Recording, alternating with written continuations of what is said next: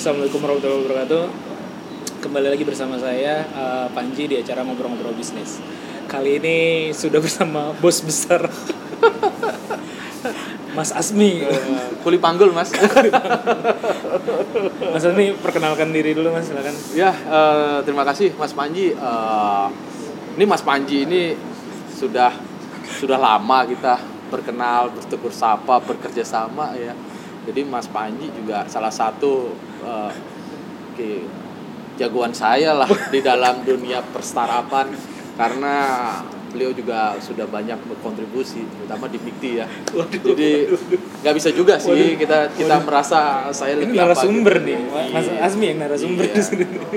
kita santai sih ya kan jadinya nah jadi kalau kalau saya sebenarnya basic saya itu di di healthcare Hmm. jadi kita Wah, mungkin kalau tahun 2007-an itu belum ada ya namanya startup ya yang 2007 ya. 2007 tuh belum ada Software house lah. Iya iya iya benar itu software house ya. Software house di sana kita mulai saya saya pribadi membuat memegang inkubator inkubasi Hmm. inkubasi di salah satu kampus di Yogyakarta di Universitas Islam Indonesia UII. UII Hmm. Di atas ya Kaliurang ya? Yap. Kaliurang atas. Kaliurang ya? atas kayak 14,5 nah dari sana eh, kita memulai. Itu lucu juga sih ceritanya. Jadi memulainya Star eh, software house itu eh, kita saya ngelihat ada sebuah ruangan. Itu ada komputer banyak ada 20 komputer. Hmm. terus saya tanya sama eh, salah satu senior saya di kampus pak ini eh, ruangan ini untuk apa ya? Ini buat inkubasi mas tapi nggak ada yang ngelola. Boleh nggak saya ngelola? Tapi waktu itu masih mahasiswa. enggak enggak Maksudnya udah lulus. Oh, oh, jadi Sama Mas Asmi alumni UI. Malu- alumni. Oh, alumni. Jadi, udah lulus, udah terus lulus. ruangan tidak berguna. sebenarnya 2007 itu saya baru habis murtad dari teknologi Udah murtad dari agama. bukan mu- murtad dari teknologi maksudnya Oke. begini tahun 2005 saya eh 2003 sampai 2006 saya udah bekerja di, tekno- Ah. di teknologi Ah. tapi lebih ke internet service provider Oke, ya. jadi kayak ISP distribu- gitu yes yes itu distribusi nah setelah itu saya eh, mengundurkan diri jadi jadi pegawai Hmm. saat itu saya pikir wah saya sudah bosan di teknologi dari tahun 2098 kuliah sampai 2005 itu berkutat di back di belakang komputer terus saya terus 2006 saya selesai S2 saya bilang wah udah deh saya pingin wirausaha Hmm.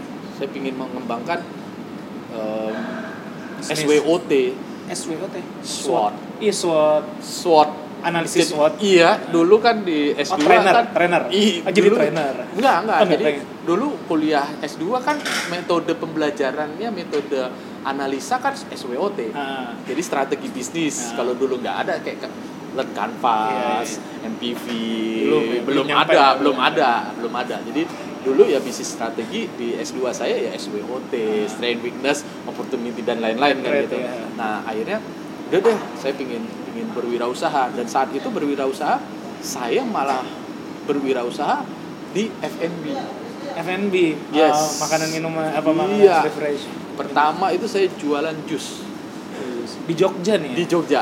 Jadi jualan jus. Even eh, saya berjualan, saya pribadi saya membuka oh, tempat outlet jus dan itu bagi saya sangat sangat profit Hmm. dengan saya yang handle. Dari profit itu teman-teman mulai deket deketin saya, Hmm. eh boleh nggak kita franchising gitu? Yuk kita buat franchise yuk gitu. Akhirnya saya bilang oke go ahead, ayo kita bareng gitu. Dan dalam bersamaan saya buka empat cabang Di Jogja semua. di tuh? Jogja semua. Jadi saya Ini berarti eh, apa namanya kedai kopi kah atau kayak standing standing apa hanya satu tem- satu, tempat gitu ya? gitu Ah. tidak ada sewa tempat Ah. tidak sewa ruangan Ah. kita hanya di pinggir jalan kita buat outlet Ah. jualan jus Oke. Nah, oke, oke. dari terus bikin empat. bikin empat Ah. bersamaan ternyata pengalaman yang saya terima di saat itu kalau kita membisnis nama F&B itu adalah jangan pernah lidah kita di delivery ke orang lain Rasa maksudnya. Bener. Oke. jadi ketika saya yang Bikin. melayani bahwa inilah Enak. saya enak Ah. ketika saya kasih pegawai bubar Oh, dan it- rasanya berubah, rasanya udah kualitasnya berubah, kualitas menurun. udah self service ya apa uh, Layanannya service jelek dan Hmm. lain nah akhirnya udah uh, dalam waktu enam bulan habis saya Hmm. Nggak laku saya harus nutupin SDM gaji dan lain-lain. Akhirnya saya hands up. Hmm. saya bilang sama yang modalin saya nggak bisa kayak gini. Kenapa? Karena saya harus fokus dulu untuk dalam satu atlet. Tapi karena saat itu saya bener-bener wah kok kayaknya saya nggak bisa lagi. Dan itu ketemu dengan dosen saya. Yang tadi itu. yang tadi Ah. itu nah dari sana ya udah pakai aja mas. Tapi kita nggak ada ngasih apa-apa Ruangan Eh, aja. iya nggak ada apa-apa nah uang juga nggak Uang juga enggak. nggak jadi dia Eh, ngasih pokoknya ngasih ruangan, ruangan, ada komputer, komputer Mas Nah. silakan berkreasi lah. Bener, Inkubasi dengan nama inkubasi. Iya. Nah dari sana saya mulai membangun dengan partner eh, teman-teman adik angkatan.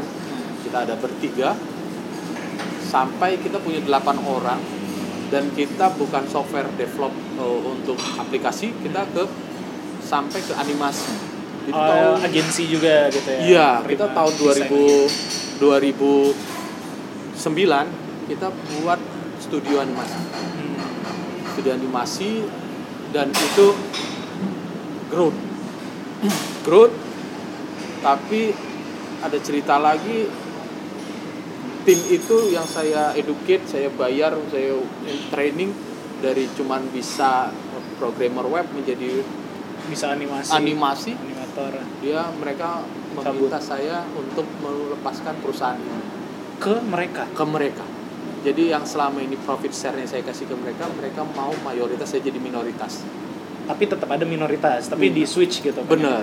Karena mereka Karena merasa, merasa- tidak puas, mereka kontribusi lebih besar. Iya, begitu. Oh. Terus saya bilang, Berani ya. itu. Siapa nih anak-anak? Tapi iya, ya that's the way of life lah. Ah, Kalau iya, saya uh, menyikapinya, oke, that's your choice. Saya bilang gitu. Kalau saya nggak bisa, karena di sini value-nya yang saya berikan bukan sekedar kamu yang udah hebat di saat ini. Gitu.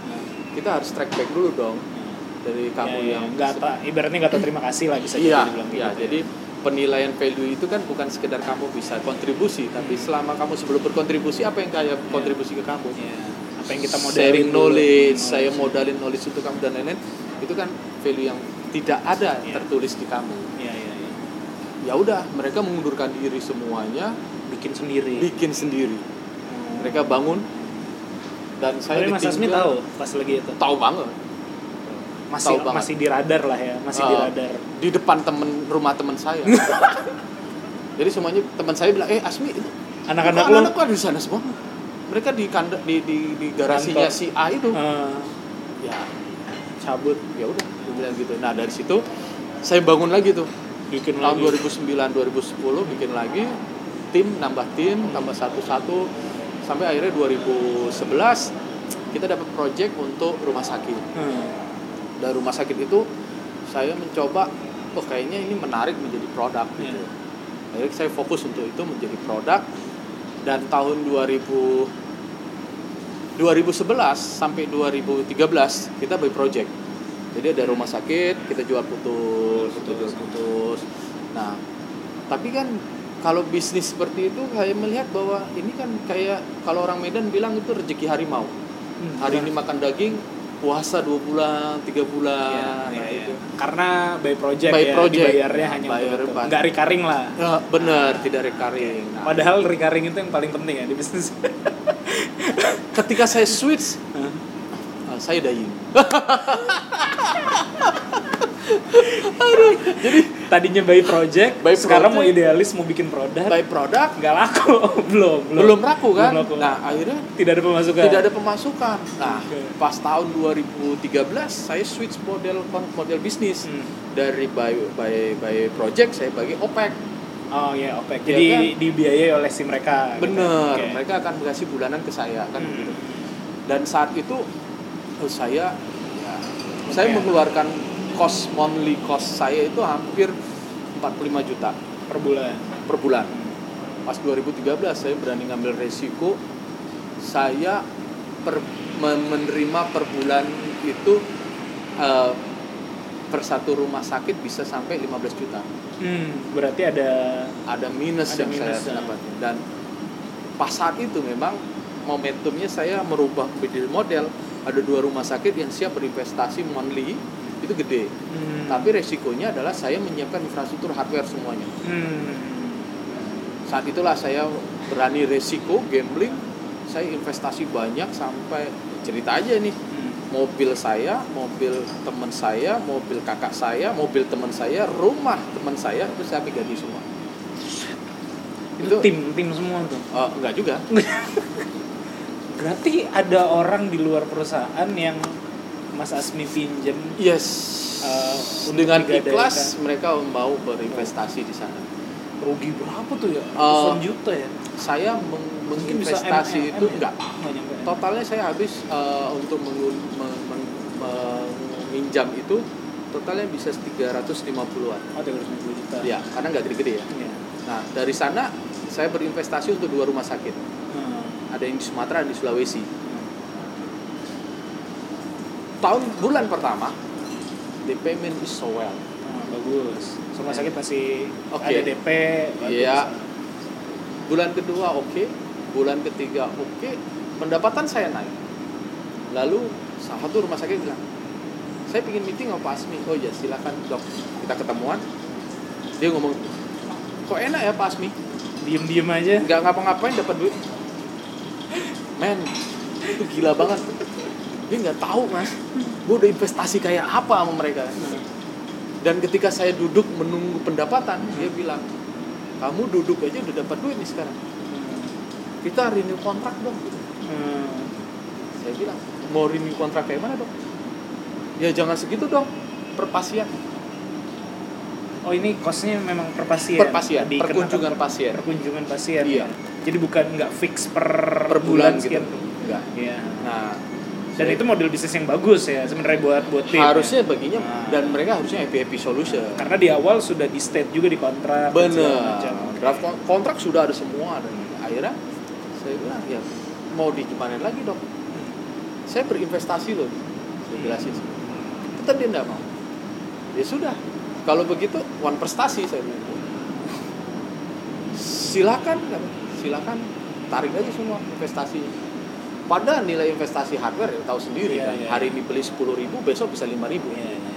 Akhirnya saya tarik semuanya dan tidak menutupin yang saya harus bayar cicilan. Ke yang tadi digade-gade. Bener, betul. Nah di situlah saya ngalamin di mana Titi Nadir tahun 2014-15 ya pilihannya ada dua. Jadi dengan istri bertanya, oke kita harus Dan itu udah merit lagi ya berat Oh, banget. udah punya anak. udah punya anak. sudah punya anak. Jadi pas saat itu momentumnya itu gini. Itu yang membuat saya survive sampai detik ini sampai saya mungkin sampai mati juga itu menjadi parameter saya. Jadi istri saya udah tanya, gimana nih kita pendapatan nggak ada, ada pendapatan 3 juta. Pengeluaran saya cicilan itu 26 juta.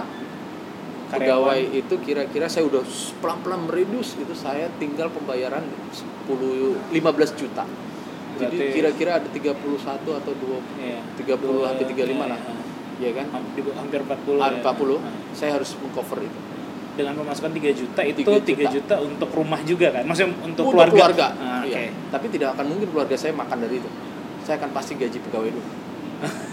Oke. Nah, terus akhirnya gimana nih? Kita harus seperti apa? ya? Saya bilang, oke, pengeluaran kita yang harus saya cover atas nama Asmi itu adalah 26 juta. Oke lah, pegawai saya sadar.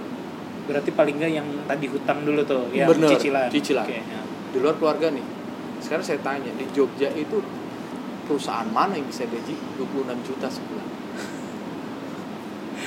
Oh, jadi eh, nyari kerjaan, Mas Asmi nyari kerjaan yang gajinya 26 juta tahun 2014 di Jogja Iya, untuk membayar cicilan. yes. Ini satu pertama 2014, yang kedua Red Jogja, yang ketiganya 26 juta. 26 juta. Ada yang ada yang ngegaji 26 juta. Kalau ada, mungkin gue jadi wirausaha saat ini. Ini kalau yang yang nggak tahu ya gambaran Jogja ya. aku bukan bu, buka kantor Jogja Iya, iya, iya. UMK Jogja eh, U, M, eh, UMR. UMR UMR Jogja tuh satu komaan Yes. satu koma enam atau satu koma delapan gitu ya Kalau delapan lah, yang agak bagus dikit dong. satu koma Iya, delapan satu koma delapan, kan? Terus saya dua puluh enam tuh berapa kali lipat tuh dua puluh kali lipat Nah, terus ada nggak saya? Kalau memang ada, oke kita start down perusahaan ini. Mulai besok pagi saya. Sekarang kalau tidak ada, ada mungkin saya bilang mungkin saya harus ke Jakarta. ah, iya, Saya harus iya, ke Jakarta. iya, iya. Tapi dengan resiko konsekuensi adalah jangan tanya saya kapan pulang. ke istri ini ngomong gitu Ya, berdua. Jangan tanya saya akan pulang. Mungkin dua bulan saya pulang. Mungkin enam bulan. Mungkin setahun. Karena itu yang harus saya amanahkan. Tanggung jawab saya ketika saya meminjam ke orang ya saya harus kembali. Nah itu terus istri bilang, oke. Pilihan kedua apa? Tetap berwirausaha. istri saya bilang, oke kalau begitu kalau kamu menjadi pegawai kamu akan mundur dua langkah ke belakang. Tapi kalau menjadi wirausaha ya kita lihat aja besok mau bagaimana. Dan tahu itu Jawab. saya langsung ingat apa? Apa? the pursuit of happiness. Oh Will Smith. Will Smith. Iya, ingat ketika dia itu eh, kalau mungkin teman-teman nonton coba eh, nonton namanya the pursuit of happiness. Ah. itu ada fase di mana istrinya Kabur. ketika dia mau kabur dia kan juga ketika bertanya ke Will Smith kamu mau berwirausaha apa mau menjadi pegawai? Will Smith sempat berkata aku ingin menjadi wirausaha. Ya sudah. Kalau kamu mau berwirausaha ya sudah jalani. Tapi kalau kamu menjadi pegawai kamu akan mundur dua langkah. Tapi aku akan pergi. Tetap dia pergi. Tetap tetap ada pergi. Iya, iya. nah. Indian ya ya Indian kan seperti itu. Tapi dia- habis itu dia gembel sama Iya. anaknya kan. Nah saya ingat itu wah kok istri saya ngomong begini ya? gitu. Persis. Dan padahal dia belum pernah nonton The Pursuit of Happiness gitu kan. Tapi Nah. per- nggak pergi kan? Alhamdulillah anak dua sekarang. Nah dari sana ya mungkin mungkin that's the value of the entrepreneur ya saya bilang. Bahwa setelah itu mulai saya bisa mengcover. Nggak tahu. Kalau Islamnya Allah alam hanya Allah yang tahu gitu gitu. Ada aja ya. Yang penting saya cuma bilang saya niatnya berwirausaha. Ya Allah kalau memang sunnah Nabi mengatakan yang lebih baik itu berwirausaha buktikan sekarang. Nah, oke. Karena katanya pintu rezeki lebih banyak gitu Bener. misalnya. dan Allah alam semenjak itu ada aja. Hmm. sampai saya juga ngamen ngamen itu maksudnya saya pribadi menjadi konsultan saya jadi pernah jadi ngisi-ngisi acara apa, Bukan. apa eh, di perusahaan atau di bukan government saya jadi konsultan kemenangan pilkada oh my god lanjut lagi Lanjut. nih tadi keputus Saya pantau, saya pantau sekarang. terang kamera mati Iya, iya, iya. baterai habis saking serunya oke tadi kan sampai eh, Mas Asmi sempat ngalamin jatuh eh, cicilan masih besar gitu Iya. total utang ratusan juta cicilan per bulan 26 juta sampai waktu itu keputusan untuk ya udahlah tetap lanjut entrepreneur nih. Ya itu kegilaan macam apa? Maksudnya satu berarti istrinya akan cerita ke istri pasti kan cerita Pasti. ke keluarga. Tadi kan seperti jawabannya kayak gitu ya jawaban dari istri kayak gitu. Eh, gimana tuh momen nih bisa kayak aduh udah tetap lanjut deh kayak Ya. gitu. Ya ya. Kalau kalau pas saat itu kita malah realistis gitu. Kita realistis dengan keadaan hmm. kalau kita tetap atau ber- pulangkan saja aku ke orang tua Bahasa ya, gitu. lebih kita bukan lagi berbicara kit- eh, saya atau kamu akan seperti apa kita ya. tapi kita Hmm. karena kita berdua memiliki satu anak yang harus kita Hmm. pikirkan kalau kita berdua give up ya untuk apa gitu ya dan saat itu kita tidak berbicara adalah aku give up Hmm. di saya saya juga saya nggak give up saya tidak menyerah. Hmm. tapi apa solusi? Apa yang harus kita lakukan? Dan ini momen-momen menarik sih karena beberapa video belakangan ya aku juga kemarin bukan beberapa video belakangan ya kemarin sempat nge-share tuh ada campaignnya Dian Sastro bukan campaign sih iklan sebenarnya iklannya Dian Sastro iklan Samsung uh, recording kayak gini. Nah salah satu poinnya adalah si Dian, Dian ada temen jadi cerita nih temennya cerita ah gue mau entrepreneur aja lah capek gue kerja puluhan tahun dan segala macam. Ceritanya si Dian Sastronya adalah entrepreneur. Terus dia cerita ke temennya ini lu nggak tahu apa yang dihadapin entrepreneur. Ini kita mau THR nih. Bingung tahu nggak? Kayak gitu kan. Iya, ini iya. mau THR bingung.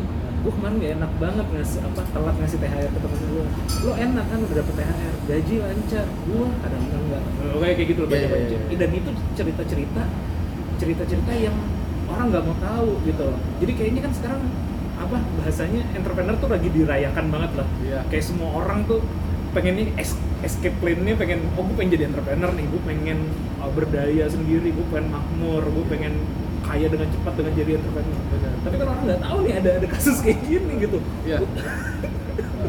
memang eh, apa ya jadi memang apa yang membuat bertahan nih mas waktu itu saat itu memang saya tidak tahu harus mau mau bagaimana karena eh, goalnya kami berdua adalah apakah kita akan terpisah untuk yang tadi saya harus Iya, ke Jakarta, kerja ya, atau kita ya gayanya orang Jogja orang Jawa adalah pangan ramangan ngumpul. Nah, makan nggak makan ya ngumpul.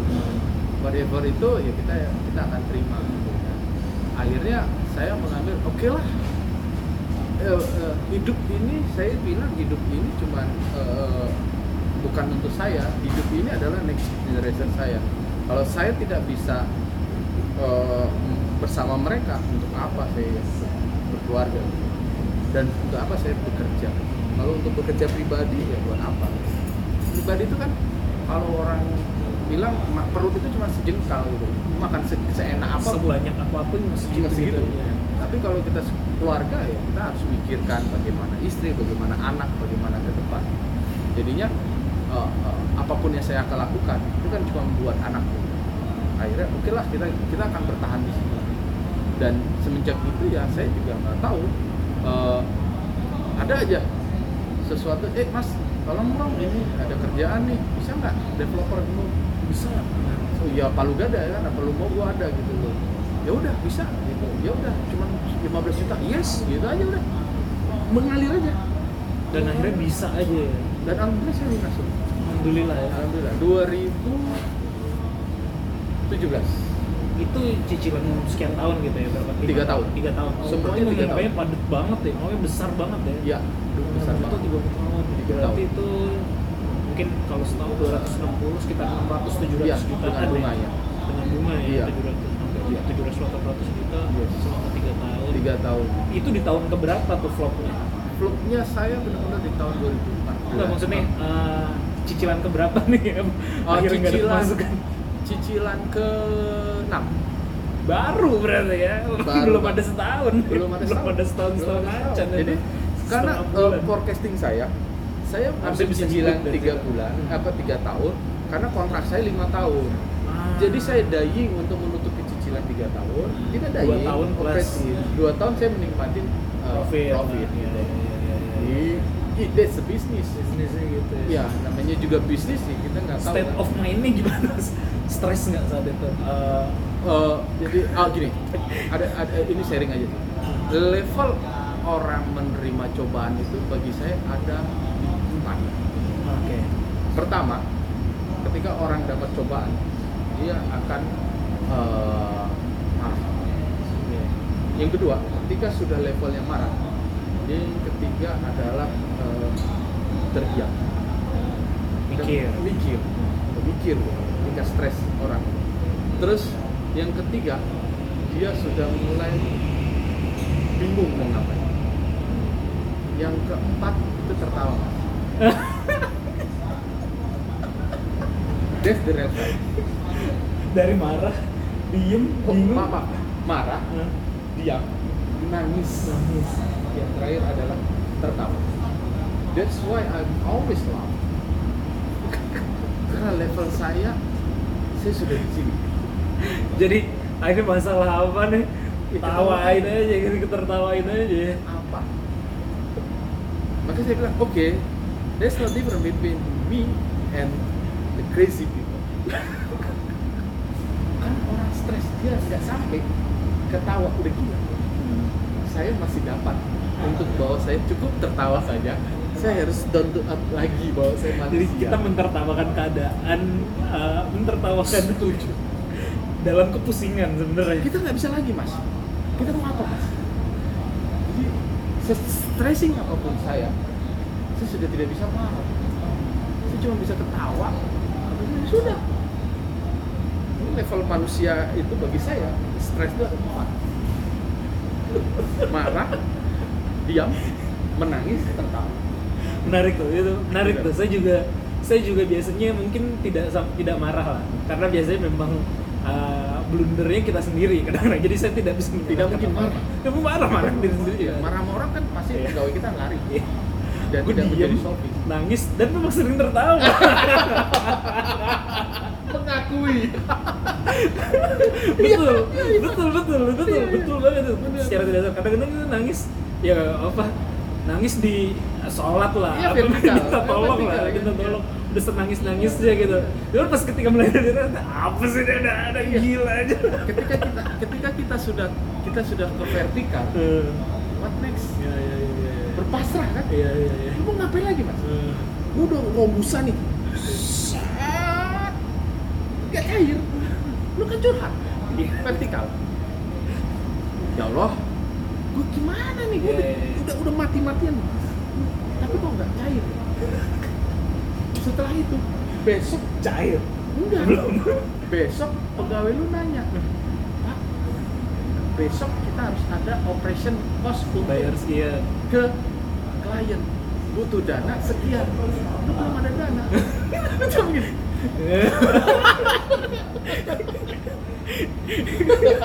ini kita lagi ada penonton juga nih? Penonton yang ketawa iya kan? Kita udah udah menangis Hmm. gitu kan malam hari. Apalagi ya, apalagi. tiba-tiba udah di blang Eh, minta duit lagi pak. Ya ya ya Ah, ya Ya. gue gue pernah begitu sih. Itu tandanya kayaknya semua tandanya begitu fase semua kita fase semua kita- entrepreneur ya. Fase kita memang ada di sana gitu. Nah saya sudah cuma bisa tertawa bahwa saat itu oke oke. Saya cuma bilang "Eh, apa yang saya kurang mungkin saya kurang sedekah. Gue paksa kadang juga makan saya harus hari ini saya kasih ya saya sedekahin tapi kan jalan Tuhan itu kan nobody's jadi kadang udah gue sedekahkan kok gue belum dapat duit? Itu kan pertanyaan manusia. Lagi betul. Iya kan? Kan janji Allah. Bener. Makanya kita bertanya gitu kan. Tapi nggak juga. Akhirnya ketawa lagi. Aduh apa gue salah sedekah ya? Bener dulu salah satu mentor saya awal-awal bisnis tuh waktu itu memang kita nggak relate karena baru baru mulai bisnis kan masih semangat ya. Nah, pada momen tertentu dia sempat bilang gini salah satu mentor bilang apa entrepreneur tuh adalah orang yang paling dekat dengan Tuhan. Maksudnya apa secara paling ini nggak mungkin tidak bertakwa gitu. Karena keyakinannya besok nih kagak ada duit nih besok kagak ada duit nih. Tapi yakin aja ya Allah.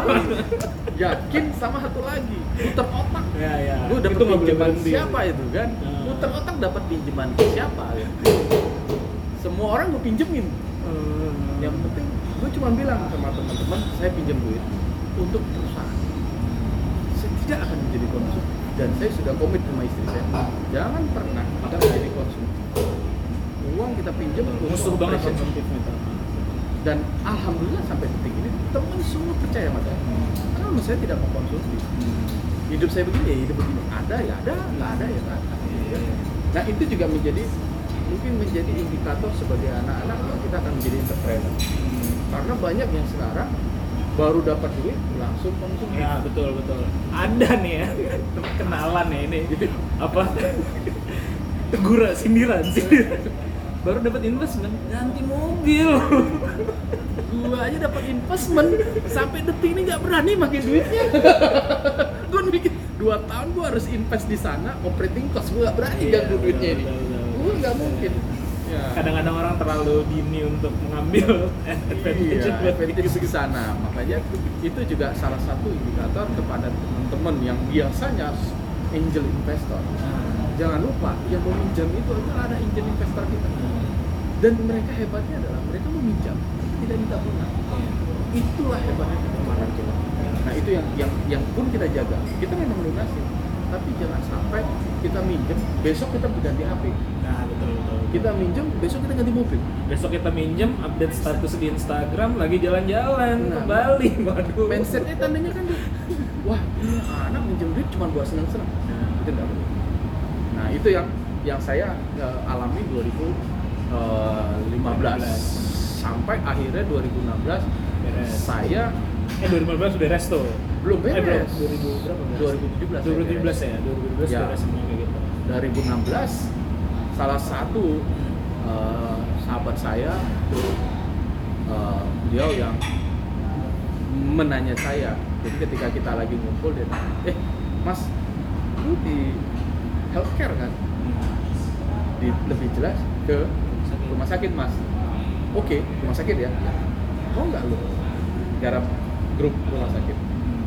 Boleh? Oke gue kenalin. Saya dikenalin sama owner. Ya udah kita spin off aja. Saya tidak akan aku injek dana ke perusahaan anda. Tapi kita spin off kita buat PT baru. Which is di situ kamu sebagai eh, perusahaan perusahaan kita buat bendera baru. Oke itulah Titik balik. titik balik saya. Saya bisa survive jadi di mana saya dying mau survive akhirnya saya langsung dapat bantu dari dari grup itu di situlah mereka men-spin off perusahaan dia menginjek operating cost saya sampai ke Hmm. dan kita sekarang mendistribusi ke, ke klinik ke klinik rumah sakitnya mereka Grupnya besar ini ya, lumayan lah ya. Eh, untuk skala nasional dia tidak besar, tapi untuk historikal dia salah satu rumah sakit yang bertahan udah 45 tahun. Jadi eh, generasi kedua ini juga udah sudah sudah sustain dan sekarang butuh dengan tim teknologi dengan teknologi di situ adalah perusahaan spin-off kami itu untuk scale up bisnis mereka. Jadi partnershipnya benar-benar inilah ya. key bener-bener partner. iya bener-bener key partnernya kita gitu nah, dan kita agile terus. Kita sprint agile sprint agile gitu ya karena memang gimana seperti itu. Itu yang yang 2017 saya terselamatkan. Dan sekarang alhamdulillah saya dapat presir salah satunya eh, baru lebaran kemarin Alhamdulillah. Alhamdulillah. Rezeki lebaran. rezeki lebaran bener A plus dua Dapat pendanaan ya. dapat pendanaan insya Allah sih bulan ini kita uh, perusahaan yang yang utama saya yang MBI dia akan injek di sana untuk uh, kita akan lepas saham berapa persen jadi dia jadi kami kami buat dia jadi komu ya komisaris utama komisaris utama untuk dalam pengembangan karena beliau juga kuat di hardware jadi eh, startup kami di kita kan dulu RS tapi sekarang sudah kita merubah sudah tiga tahun menjadi healthcare. Kalau healthcare itu lebih holistik, holistik, eh, holistik konsepnya kan lebih gede, blueprintnya lebih besar. Jadi kita butuh salah satunya device hardware. Beliau adalah perusahaan yang pabrikan untuk kayaknya aku tahu. Nah akhirnya eh, beliau mensupport saya Alhamdulillah. ya alhamdulillah alhamdulillah itu untuk mensupport saya dari sisi hardware sisi saya ke depan kan device dan software kita akan menjadi satu jadi satu satu produk yang yang akan mensupport untuk healthcare di Indonesia Memang itu sih menarik banget ya perjalanan ini. Tadi yang saya ingat juga salah satunya kadang-kadang mungkin buat teman-teman yang tadi ya yang eh, kerja tapi pengen bisnis hanya karena iming-iming gitu ya. Itu kan bahaya banget apalagi sekarang campaign kampanye untuk orang berwirausaha tuh gencar, Gencar banget. banget. makanya banyak teman-teman juga suka nanya Ci, gimana sih bisnis caranya? Kayak seolah-olah mereka mau Switch mau ya, switch itu udah kayak balik tangan kayak gitu, gitu ya. padahal sebenarnya susah gitu. Ka- ka- ka- ka- mungkin kita ini hanya sharing ya. Jadi eh, satu yang harus kita eh, pahami basic dari entrepreneur itu how to survive. Jangan jangan berpikir eh, ini enak. Karena mohon maaf di, di, di zaman sekarang startup konsep yang ditular yang di, di, di, digaungkan itu temanya saya selalu bilang kayak bakaran sate orang tukang sate dia tidak banyak membakar sate tapi dia cuma hanya arangnya dikasih minyak terus dikipas. Maka baunya enak. Padahal ketika kita datang tidak ada satenya tidak ada daging. Hmm, jadi pancingan aja. bener. Jadi harumnya enak gitu. Semua terbuai. Wah. Bau daging sate apa nih daging ayam sate ayam sate ayam. Padahal sebenarnya tukang sate itu tidak bakar sate tidak bakar daging tidak bakar ayam dia cuma aja ogro eh, Ngerapiin natain arang. arang dikasih minyak makan kipas. Harum jangan sampai teman-teman ke, ke- ke- terkena tergiur dengan bau itu. Itu itu yang sekarang terjadi. Benar-benar kita harus memperhatikan bahwa bagaimana membangun build the business is total different dengan running the business. So so different. Jadi itu ya. Nah, ker- keren banget ya per- per- perjalanannya Mas Azmi bisa bisa sampai hari ini gitu. Dan kita sekarang nih sebenarnya lagi di eventnya Backcraft. eh, Backcraft gitu ya di eventnya Backcraft dan Mas Azmi ini apa sih itu ini ketua? Tidak eh, sebagai pengembira tidak saya sebagai pengembira aja sih Mas Panji Enggak, biar bridgingnya enak karena pengalaman tadinya udah Iya, banyak iya, iya, gitu iya. kan. Sekarang ada program Iya. back, back, Backcraft untuk pembina startup. Iya, jadi Startup. ba- ba- eh, balik lagi yang tadi saya bilang bahwa how to run uh, build the business Iya, how to. different with the running the business. Makanya uh, uh, Backcraft punya pilo, punya punya punya program di mana oke uh, anak muda sekarang harus berwirausaha, tapi tidak juga dengan bagaimana mengipas sate itu gitu. Kita harus benar dong. Iya. Kita harus harus kuat dengan fondasi, kita harus kuat dengan filosofinya nantinya teman-teman berwirausaha itu ketika ke dunia bisnis benar-benar sudah punya fondasi. Maka uh, Backcraft dengan MIKTI di sini saya kebetulan adalah lebih ke pengurus MIKTI Iya. diamanahin oleh MIKTI untuk menjalankan program Backcraft yaitu Backcraft Corporate Startup yang disebut Backup. Backup itu sendiri juga sudah berjalan dari Iya. 2015. 15, 16, 17, 18 dan ini yang terbaru 2019. Iya, iya. makanya ini sebenarnya karena barusan cerita perjalanan apa namanya sulitnya ngerjain bisnisnya pada waktu itu kan aku tahu ya maksudnya uh, backup ini tidak mudah gitu ya karena ada beberapa elemen stakeholder yang ada di dalamnya dan aku sering lihat Mas Azmi itu kelihatannya pusing gitu ya. ternyata pusingnya tidak ada apa-apanya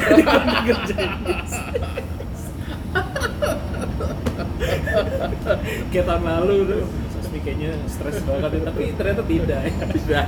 hanya hanya seujung kuku aja Iya. seujung kuku Ya kalau kalau kalau dalam menjalankan sebuah komitmen sih saya pikir ketika saya bilang yes, ya so must go on. Full. Kita kita totalitas kan gitu karena sebenarnya berkegiatan ini kan banyak yang kita jaga elemen dan kata Mas Panji adalah elemen yang harus kita jaga itu sangat banyak. Di antaranya adalah sebuah uh, organisasi negara yaitu Backcraft Badan Industri Kreatif. Di satu sisi organisasi non profit yaitu MIKTI. Di satu sisi adalah bagaimana kita jangan lupa Mas, kita menjadi orang yang ber- ber- bertanggung jawab untuk mendidik manusia-manusia yang akan menjadi wirausaha. Ini bagi saya sangat berat. Makanya saya tidak pernah berbicara bahwa startup itu manis. Saya selalu orang yang bagian devil. Whatever you say, lu kalau mau sama saya, kamu akan ketemu adalah musuh.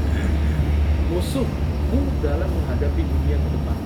Yang itu musuh sebenarnya lebih bahaya lagi di dunia yang sebenarnya.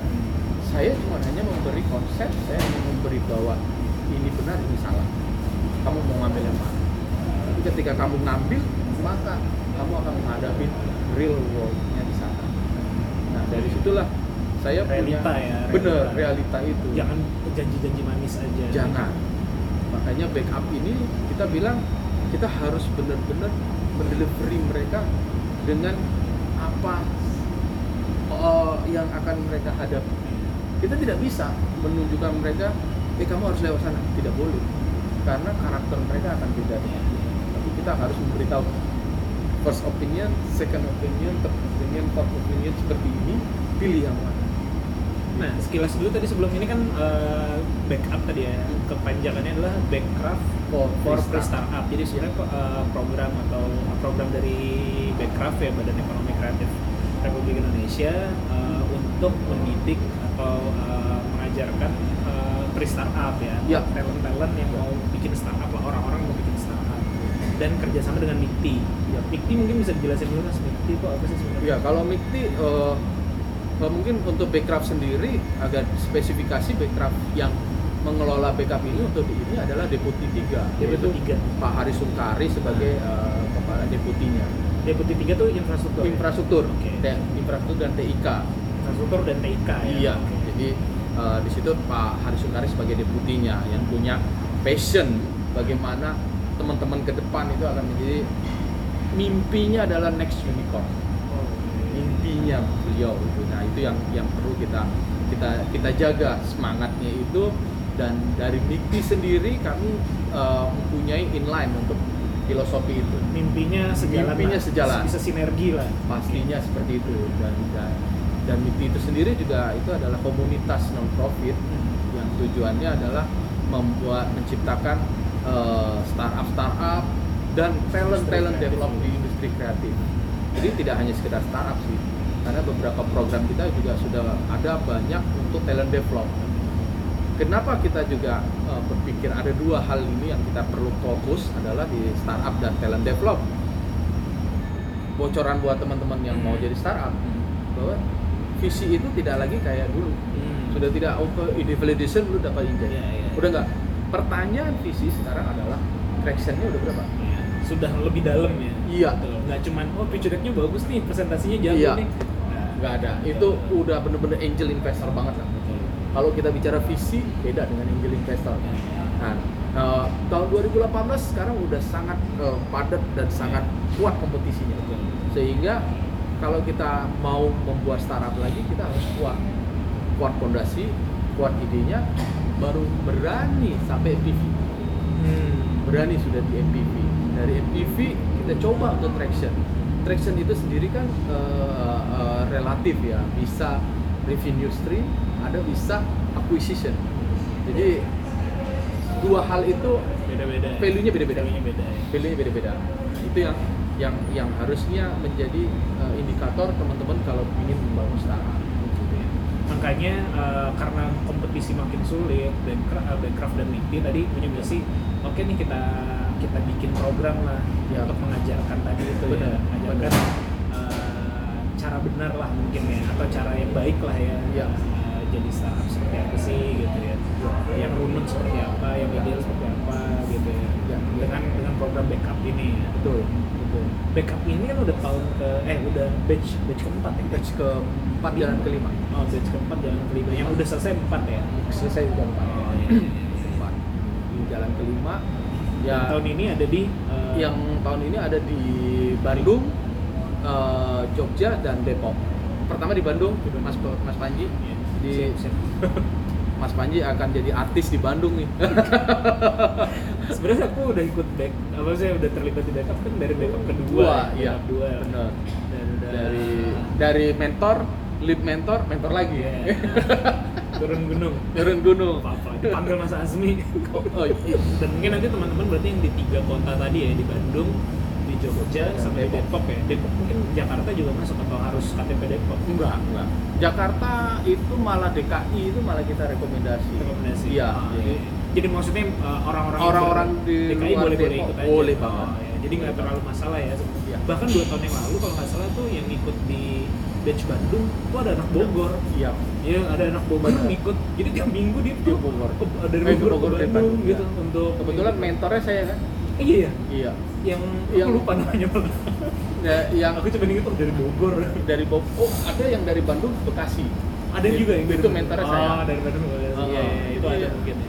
Memang Jadi eh, sebenarnya nggak terlalu masalah, cuman siap-siap aja terutama yang di tiga kota tersebut ya Iya. di Bandung, di Depok sama di uh, Jogja siap-siap aja uh, mahasiswa atau alumni baru atau bahkan yang sudah mulai senior sudah mulai inilah sudah mulai mengerti gitu ya pengen belajar bisnis yang lebih runut bisa ngikut program backup, Backup. ini ya nanti Yap. akan ada di Instagramnya backup, eh, backup lah ya Iya, backup di ada. Backcraft ada eh, siap-siap aja mungkin dari mulai Juni ini sampai nanti bulan sampai September November. mungkin ya November. Oh iya total kegiatan di November dari dari Juni ini sampai November itu tiga tiga daerah akan akan berjalan Mas Panji. Itu awalnya di Bandung kita mulai tanggal 28 Juni Iya. baru nanti di Agustus itu di Jogja baru nanti di September akhir itu mulai di eh, Depok.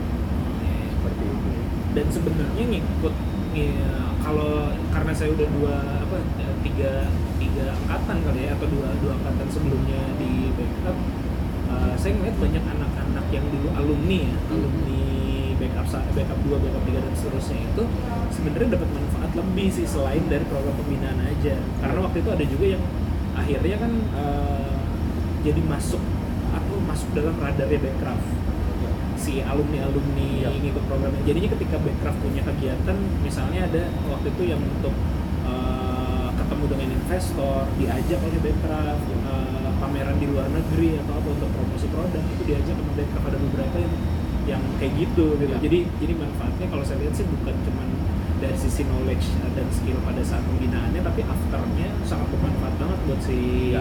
startup itu ya Benar. sebenarnya itu juga eh, yang 2018 lebih keren lagi tuh mas apa jadi tuh? eh, ketika closing ceremony kita menyebutnya demo day ah, demo day. itu ada ada presentasi dengan capital venture se Indonesia itu di, di atas kapal capital. ya Oh, venture iya. capital Oh, di iya, atas iya, iya. kapal pesiar kapal pesiar ya oh Iya. aku nggak diajak tuh aku lihat foto-fotonya lead, doang lead, lead mentor masa nggak diajak lupa mungkin waktu itu atau apa gitu waduh kalau begitu saya mohon maaf kalau begitu ini santai aja sih. Eh, permohonan maaf di publik aku lihat foto-fotonya Eh, Dina dan itu Mas Indra. itu yang di invest itu ada Gojek Hmm. ada Grab Hmm. terus ada Mandiri Capital ada banyak banget yang jadi eh, jadi bisa present langsung ke Langsung, in- langsung. apa investor Ke investor. capital kayak gitu ya. Heeh, mereka mereka langsung present pitch- pitching di depan angel investor itu semua. Dan itu semua direkomendasi sama mentor-mentor daerah. Oh, iya, jadi iya, ada iya, top aku 3 lihat. yang top 3 itu 1, 2, 3 yang nomor satu akan pitching di depan capital venture Hmm. dua lagi mereka kita siapkan booth. Jadi tiga tiga startup per daerah itu kita siapkan booth. Ada 30 booth di, Oh, di karena tahun lalu ada 10 kota ya? Ya ada 30 booth. Di sana eh, top 3 nya mereka disiapkan booth. Seru-seru seru. jadi eh, flow-nya sih ketika registrasi kita mereka registrasi eh, untuk naik ke kapal. Sebelum naik mereka kita Pameran. siapkan pameran. Ketika sudah saatnya naik maka startup itu dipanggil semua naik ke atas terus partner-partner capital venture naik baru di sana di jalan kita Bukan pitching untuk liburan nggak ada liburan sih. Jadi semuanya tetap di dalam di tengah yang- laut gitu. di tengah laut yang pitchingnya jelek juga. Ya itu aja lempar gitu. Ya jadi intinya apa programnya bagus dan mungkin nanti bisa jadi leverage ya ke depannya bisa banyak manfaatnya. Ya ya. Ah, insya Allah sih kita, dan kita mentornya ini apa mentornya juga ya kayak Mas Azmi gini lah pengalamannya udah luar biasa ya. Tadi kalau di awal kita cerita jatuh bangunnya dan bener-bener real lah. Dan bukan mentor bukan kan gue sekarang banyak nih yang ngisi-ngisi acara tuh sifatnya bukan mentor ya tapi kayak inspirasional aja gitu. Iya. Jadi tapi eh, kita kan eh, Backcraft ini bukan program inspirasi Bukan, tapi memang bener-bener teknis taktikal eh, gitu ya. Kalau eh, bercandaan teman-teman antara motivator dengan star apa dengan mentor atau dengan startup artis startup itu bedanya tipis sekarang. bahaya tuh artis startup bahaya tuh. Artis startup. Ada beberapa yang kejadian itu saya sudah saya sudah melihat dan saya sudah bilang, hey kamu jangan sampai jadi artis startup. Growth dulu, sustainnya iya. perusahaan belum belum udah ngomong-ngomong di mana-mana ya itu terjadi. itu itu, ja- ya, itu, itu janganlah kita kita kita harus harus melihat yang baik Oke Mas Asmi sekali lagi Siap. apa uh, closingnya gimana nih? Apa mau Ya. promo backupnya atau mau cerita lagi tentang bisnis? enggak kalau kalau saya sih Nanti akan kita ulik lebih dalam lah ya. Iya, kita kita bicara eh, mungkin eh, bisa kita bicara lagi. Saya lagi buat satu konsep di perusahaan saya itu adalah saya dapat eh, insight dari Mas Aderai. ada Rai bodybuilder. Itu orang baik banget dan orangnya baik banget. Next time Mas Panji kita bisa nongkrong sama beliau. Anytime dia sangat Waktu open. itu sempat cerita kalau yang program apa ya? Eh, iya, ada gym gym itu ya. Iya, Absolute ada gym. Oh iya. dan saya Masih- sangat masih sangat baik masih, masih sangat baik dan beliau beliau memberi sebuah eh, pemikiran ke saya bagaimana Indonesia sehat dan itu benar-benar saya tanam di, di dalam sebuah produk yang saya bangun jadi produk yang kita akan bangun itu adalah bagaimana Indonesia sehat beberapa fitur yang kita siapkan itu insya Allah sih eh, awal tahun 2020 kita udah rilis semuanya. Tujuan mimpi saya adalah setiap orang di Indonesia tahu keadaan masing-masing pribadi Kesehatan kesehatan. Dengan saya akan kasih free semua. Seperti itu jadi ya ini eh, nanti awal tahun 2020 saya akan cerita ke Mas Panji saya akan rilis semuanya eh, apa sih konsep yang saya bangun karena ini kan masih saya fasenya developing. Iya. gitu. Jadi eh, intinya adalah Indonesia sehat. Oke, mudah-mudahan tercapai mas mimpi. amin. Amin. Ya.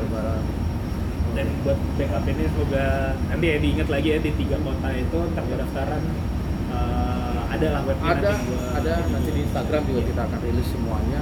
Eh, follow aja Instagramnya eh, ID underscore backup. Itu atau backup underscore ID itu eh, official kita Official backup. yap Oke, gitu. thank you Mas Asmi. Thank you, Eh, Mas Panji. Makasih banyak sharing-sharingnya. oke terima kasih Sekian semuanya. Assalamualaikum warahmatullahi wabarakatuh. Waalaikumsalam Udah reminder reminder.